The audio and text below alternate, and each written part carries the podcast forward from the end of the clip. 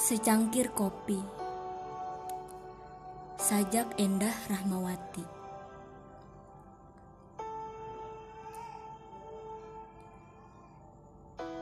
Pagi buta terasa dingin menyiksa. Seakan ia membekukan sekujur tubuhku. Beranjak aku dari ranjang Meracik kopi hitam Tercium bau aromamu dari bibir uap kopiku. Apakah kau menitipkan rindu pada setiap tegukan? Atau hanya sebuah angan?